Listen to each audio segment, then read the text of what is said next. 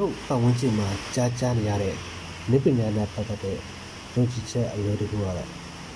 စင်ကနေကိုတုံးလေစိတ်ရရတယ်စိတ်ချရဆုံးဟာကျွန်တော်ကလုံချုံရေးကိုဦးစားပေးတာဘာညာဒီဒါပေါ်စီပေါ့ဗျာအဲ့လိုပြောလိုက်တော့လက်ရှင်မင်းသားကျော်ဟင်းစကားနဲ့ပြောရင်စိတ်ကိုပစ္စည်းတွေမှာတိတ်တိတ်ထိုင်မတင်မြင်ခြင်းသဘောတရားရှိတယ်ဆိုတော့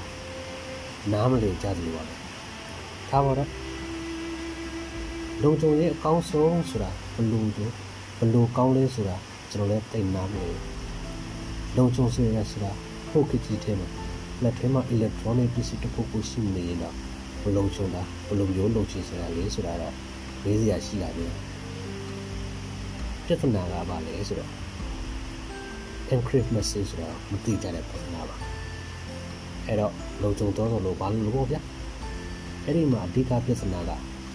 Google လိမ်လောက်ကြတဲ့ပြဿနာပါ encrypt ဆိုတာဘာလဲဘာလဲဆိုတော့လွယ်ပြောရင်ကျွန်တော်တို့ပို့နေတဲ့စာတွေကုတ်တွေဖြစ်ပြောင်းတဲ့တစ်ဖက်လူရဲ့စက်သေးကိုတိုက်ရိုက်ပို့ပေးတာပါအဲ့လို encrypt လုပ်တဲ့ message ကိုဝန်ဆောင်ပေးတာ Viber Facebook WhatsApp စင်ငယ်တို့အပြင်ခြားခြားရရှိပါသေးတယ်မြန်မာပြည်မှာလုံသုံးအများဆုံး Facebook မှာတော့ message edge မှာ secret share ဆိုပါပါတယ်